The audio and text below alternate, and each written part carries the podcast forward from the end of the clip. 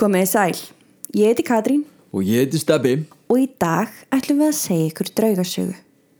En fyrst langar okkur að byggja ykkur um smá greiða. Okkur langar til þess að halda áfram að gefa ykkur eina fría draugasögu vikulega og í staðinn viljum við byggja ykkur um að fylgja draugasögur podcast á Spotify, Apple podcast eða hvar sem þið hlustið á okkur. Og ef þið viljið hjálpa okkur ennþá frekar þá má ég þið endilega segja frá okkur. Ef þið þekki fólk sem hefur gaman að draugasum eins og við, bendið þeim á podcastu okkar. Okkur þykir ekkert skemmtilegra en að segja ykkur draugasögur og því fleiri sem hlusta því betra. Síðan viljum við auðvitað nota tækifærið og benda ykkur á áskriftalæðin okkar inn á patreon.com skástrygg draugasögur. Þannig styrkið þið podcastu okkar beint og fáið fjóra auka sögur í mánuði. Því fleiri sem skráa sig, því sterkara verður podcastu okkar og mögulega getum við þá fara að gefa út enn meira efni en ekkert á sér hægt án ykkar. Svo takk fyrir allir sem eru nú þegar áskrifandur og ef þú hlustar á okkur vikulega en ert ekki orðin áskrifandi, endilega kíktin á patreon.com skástrygg draugasögur og aðtjóðaðu hvort að þetta sé ekki eitthvað sem þú hefur áhuga á. En ok, nú erum við búin að koma þessu frá okkur og þar sem við stefnum þekkt fyrir að koma okkur strax að efninu, þá skulum við hefja sögudagsins. Byrjum þetta. Við erum stödd í Cheyenne í Wyoming í bandaríkanum. Cheyenne er höfuborgin og vinsalasta borgin í Wyoming. Fyrst til að byrja með var þetta eiginlega bara vilda vestrið og í dag hefur borgin ennþá þann blæ á sér ef svo mætti segja. Sumir kalla þetta meiri segja ennþá Kúrikaborg. Í dag, árið 2020, búa rúmlega 65.000 mannstafna. Þetta er talið vera góðu bær fyrir fjölskyldu fólk en glæpatíðnin er samt ennþá hansi há. Það er talið að einna hverjum 23 verði fyrir einhvers konar glæp. Vá. Wow. En sagan okkar byrjar árið 1911 og við ætlum að fjalla um stóra gula byggingu sem situr á annarsamari götu þar sem á sjá risastóran almenningskarð fyrir utan og kirkju þar á móti. Og þó að það sjáist ekki utan á húsinu eða á hverfinu á þessi bygging sér dökka sögu og fórnulömpin neitað yfirgefa svæðið. Veri velkomin á Plains Hotelið.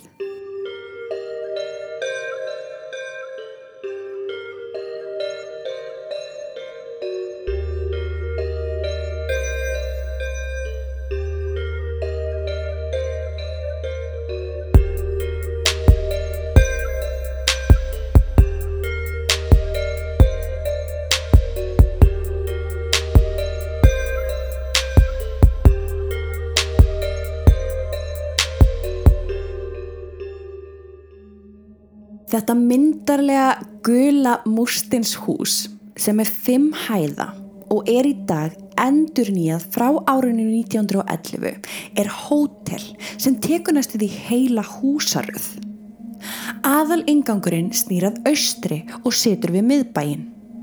Á þessum tíma var þetta blómlegu bær, oft köllu töfraborgin vegna mikillar ólju og mikillar nöytgripa Veturinn var og er tiltrúlega mildur og grasiði grænt allt árið um kring og það kvatti nöytgripabúa til að setjast að þarna á þessum tíma.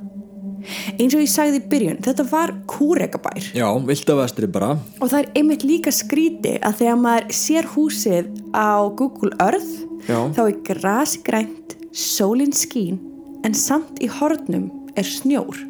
Vá, ok. Þetta er eins og bara hálendinu hjá okkur. Já. Hágeða hótel var að sjálfsögðu nöðsynlegt fyrir ólíubarona og ríka nautgripabændur ásamt yfirmönnum hersins og gestum sem heimsóttu bæinn til þess að skoða Yellowstone. Sem er resa þjóðgarður bandarækjana. Rétt.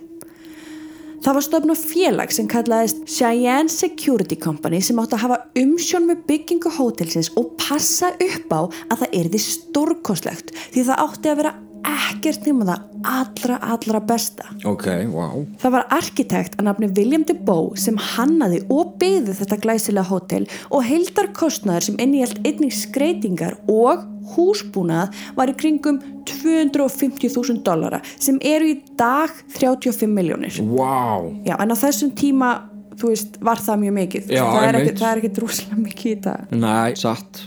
Þetta nútímalega og glæsilega hótel opnaði dyrna sínar það 9. mars 1911 með pomp og prakt. Þægindin og skreitingarnar voru eitthvað sem ekki aðeins sérst áður í bænum en innblásturinn var í rauninni lofthæðin. Þess vegna heitir hótelið The Plains. Það átti að vera stórt og rúmgott og sum dagblöð lístu byggingunni sem höll. Ok, wow. Og ég verði eiginlega að segja svolítið fyndið því nú höfum við fjallað um mörg hús og hótel Já. og það er alveg rétt, mörg þeirra eru glæsileg og ennþá í dag. Já, En þetta hótela utan er bara frekar shabby. Þú veist, Ó. ímyndið ykkur bara gulan, mústins klump á fimm hæðum. Þannig er Plains Hotel. hmm, ok, ok. Að utan allavega. Já, ok. En hvernig er það svona innan í? Andri hótelsins var stórt og bjart, staðsett í miðjunni á jarðhæð og það var líst upp með dagspyrtu í gegnum lituð gler. Ok, Á kvöldin var síðan rafknúin ljósbúnaði notaður þannig að andri var alltaf bjart. ok, það er svolítið cool. Móttökuborðið var úr marmara og á því voru dýrar koparstittur. Flísar og mahóniviður var á gólfum í andri, borstofu, almennum herbergjum og vigvam setustofunni. Húsgögnin voru svo í stíl, líka úr mahónivið.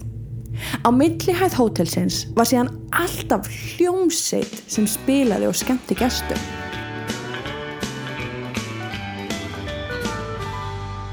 Þó að það væru þrjár liftur sem flutti fólk á milli hæða, þá var líka tegnalegu stíi sem var búin til úr stáli og marmara. Flottu og fínu herbergin voru kölluð hundraherbergin og skörtuðu þau þykku flauilsteppi, hágeða og nýtískalögum húsgögnum, risastóru koparúmi, baðkari og síma. Í gegnum árin þá hafa eigendur alltaf gert sitt allra besta til þess að láta hóteli líta út eins og það gerði upprunalega. Á þriðja áratug síðustu aldar fekk hótelið nýtt yfirbræð þar sem var notast við verk Thomas Molesworth. Hann kom með indverskan innblástur, barhúsgögn og ljósakrónur úr játni. Árið 2002 fekk The Plains hótelið ennþá meiri enduníin og nú eru 130 herbergi og svíturnar eru stærri en áður. Falleg vestræn list prýðir veggi og fallega bækur er í bókaskápum. Þannig að þó að hótelið líti ekki vel út að utan í dag Já. er þetta samt talin vera gimsteinn í sjæðan sem er nöðsynlegt að skoða. Já, hljómar allan á þannig sko ef maður talar um innréttingarnar og allt sem er þarna inni. Rétt og samt svona þú veist þetta er kannski fylki sem er ekkert rosalega mikið talað um Næ, en þetta hótel er alveg bara svona þeirra. Svona Ok. þú verður að koma að skoða. bara svona þeirra kennileiti. Já. Ok, Þrátt fyrir að hótelið hafi verið elegant og fallegt og hafa átt að færa gestum frið og kvíld, urðu eigendur og starfsfólk fljótlega vart við dekkri hlið gesta sinna. Það er þess vegna sem hótelið er talið vera reynd enn þann dag í dag.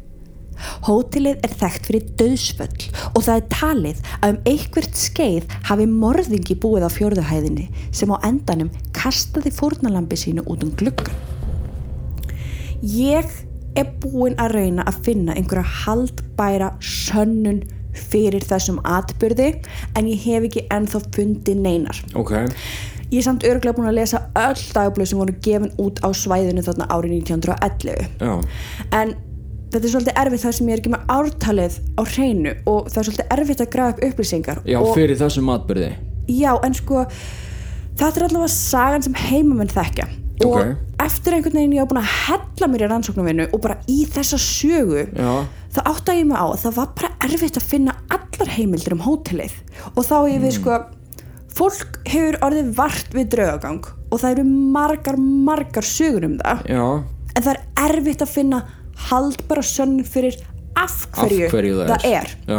og þess vegna er þetta meira og meina bara sögur sem mögulega geta útskýrt draugagangin og það er oft þannig með reymda staði það er ekki alltaf bara þessi fjölskylda sem var drepin eða þessi sem framdi sjálfsmorð og þess vegna er húsið reynd stundum er það eitthvað sem er erfitt að átta sig á og eins og hérna vinkun okkar Andrea Perron sagði Já. í viðtali sem við tókum við hana fyrir þáttun okkur inn á Patreon Mhm. manstu, þá sá hún hérna af hverju er fólk alltaf að reyna að finna út nákvæmlega hvaða andi er í húsinu akkurat. Freka bara af hverju hann er þarna? Já, af því að ef það eru andar þá er það eiginlega bara nógu merkilegt út af fyrir sig. Og það er ekki alltaf nöðsilegt að finna út nákvæmlega hver það er af því að þetta er allavega alveg skemmtilegt sjónamöðstundur Já, einmitt, þú veist, þó að sögurnar okkar hafi svo oft verið bara, þú veist, þetta gerðist og þetta er ástæðan fyrir reymleika. einmitt.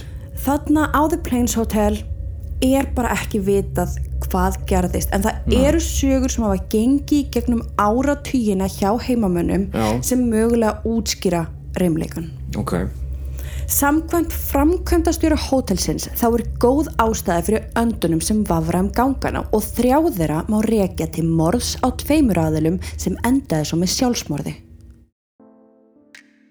Ég veit ekki með ykkur en við fjölskyldan notum netverslanir mikið á þessum skrýtnu tímum og þess vegna brosti ég hringin þegar Hárgríslustofan skipti miðju hafði samband við okkur og vildi koma í samstarfi podcastið okkar. Þeir sem hafi sé myndir af okkur maðgum sjáuð eflaust að við erum alls ekki með eins hár. Ég með það dögt og litað og hún er með fingerað slöngulokka og alveg ljósærð. Svo kemur stjúpdóttur mín með sitt þykka dökka hár. Þannig að við notum allar ólíka vörur. Það sem henda mér, hendar ekki endilega þeim. Við höfum notað Moroccanol hárvörur í mörg ár því það er það eina sem fingerða hár dóttur minna samþykir en í svona stóri fjölskyldu er erfitt að réttlita það að kaupa dýr sjampó og þess vegna gladdi það mig mjög þegar ég komst að því að hárgræsstofan skipti miðju en með mjög lága álagningu á vörunum sínum. Og það eru með ótrúlega þægilega netverslun. Ég fekk mér Moroccanol sjampó í voljumlínunni þeirra til þess að fá smámrið þygt og dóttur mín fekk loksins vöru sem fingerðu krullutnar hennar elska. Hlustendur fá nú 20% afslátt af öllum hárvörum í netverslun þeirra með kóðanum draugur20. Með því að styrkja samstarfsaðil okkar styrkið þú podcasti í leiðinni. Svo ef þú ert að leita þér að gæða hárvörum á lagra verði, nú eða jólagjöf fyrir einhvern sérstakann, kíktu þá á heimasíðuna þeirra skiptimidju.is og kláraðu kaupin á netinu. Frí heimsending innan höfuborgarsvæðisins og 20% afsláttur með kóðanum draugur20.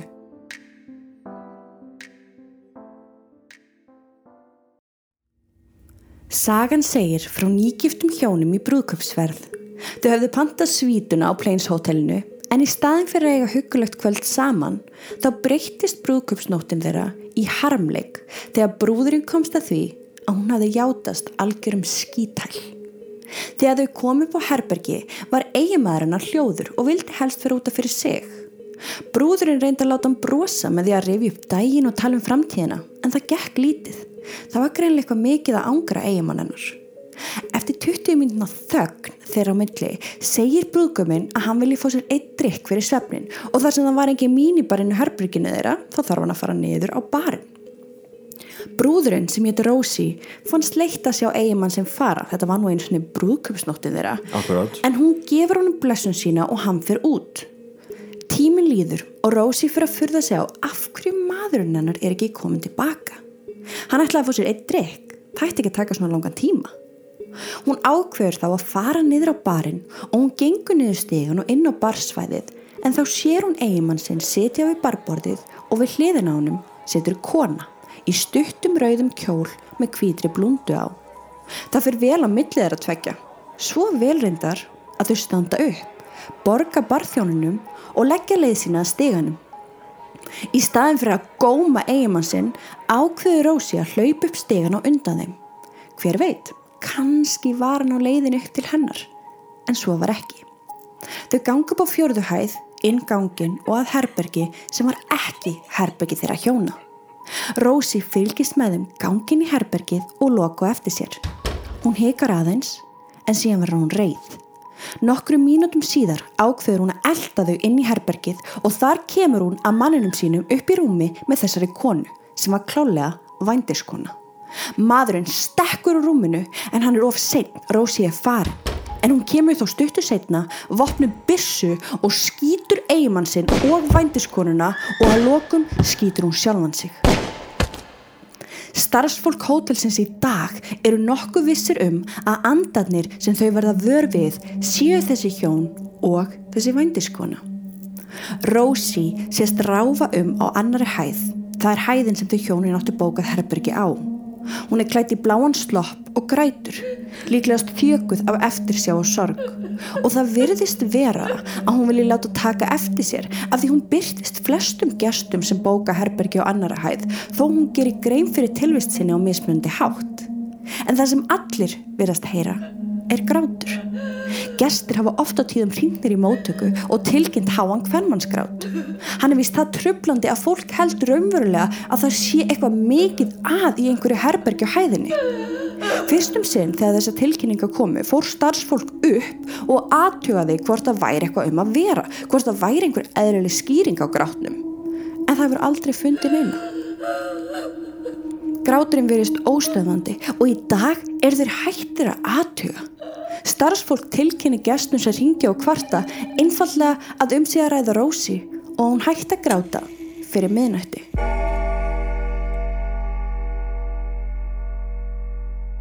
Vel klættur ungur maður sést einnig ráfa um húsið, þá aðalega á fjörðuhæðinni og í kjallaranum.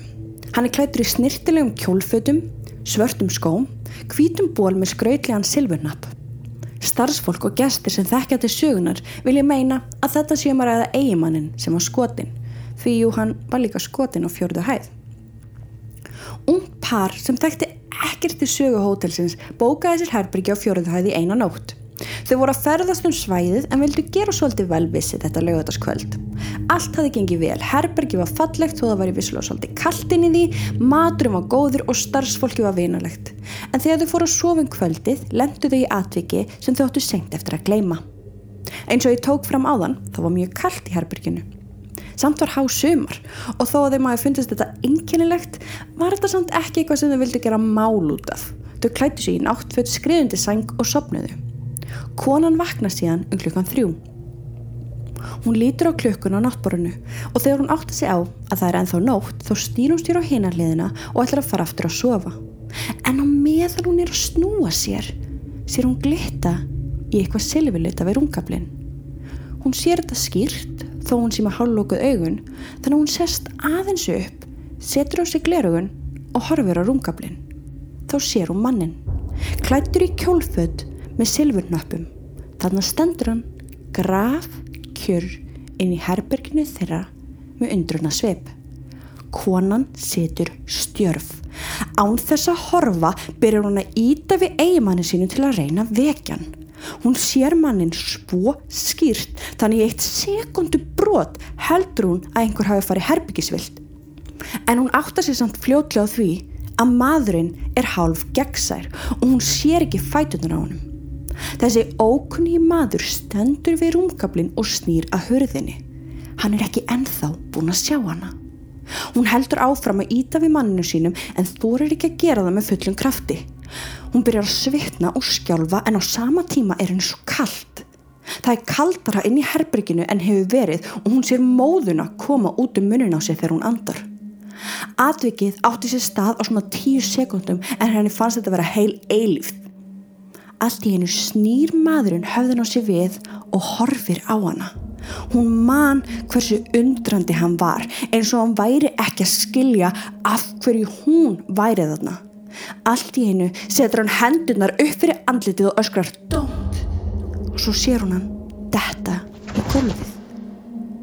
Hún þorði ekki að ræfa sig. Hún þorði ekki einu svona vekja mannin sinn sem var ennþá í fasta söfni. En hún lýsir í þannig að á þessu augnabliki hafa hún orðið pyrruð. Hvað var eiginlega að gerast? Hún skrýður meðfram rúminu að rúmgablinum og lítur niður.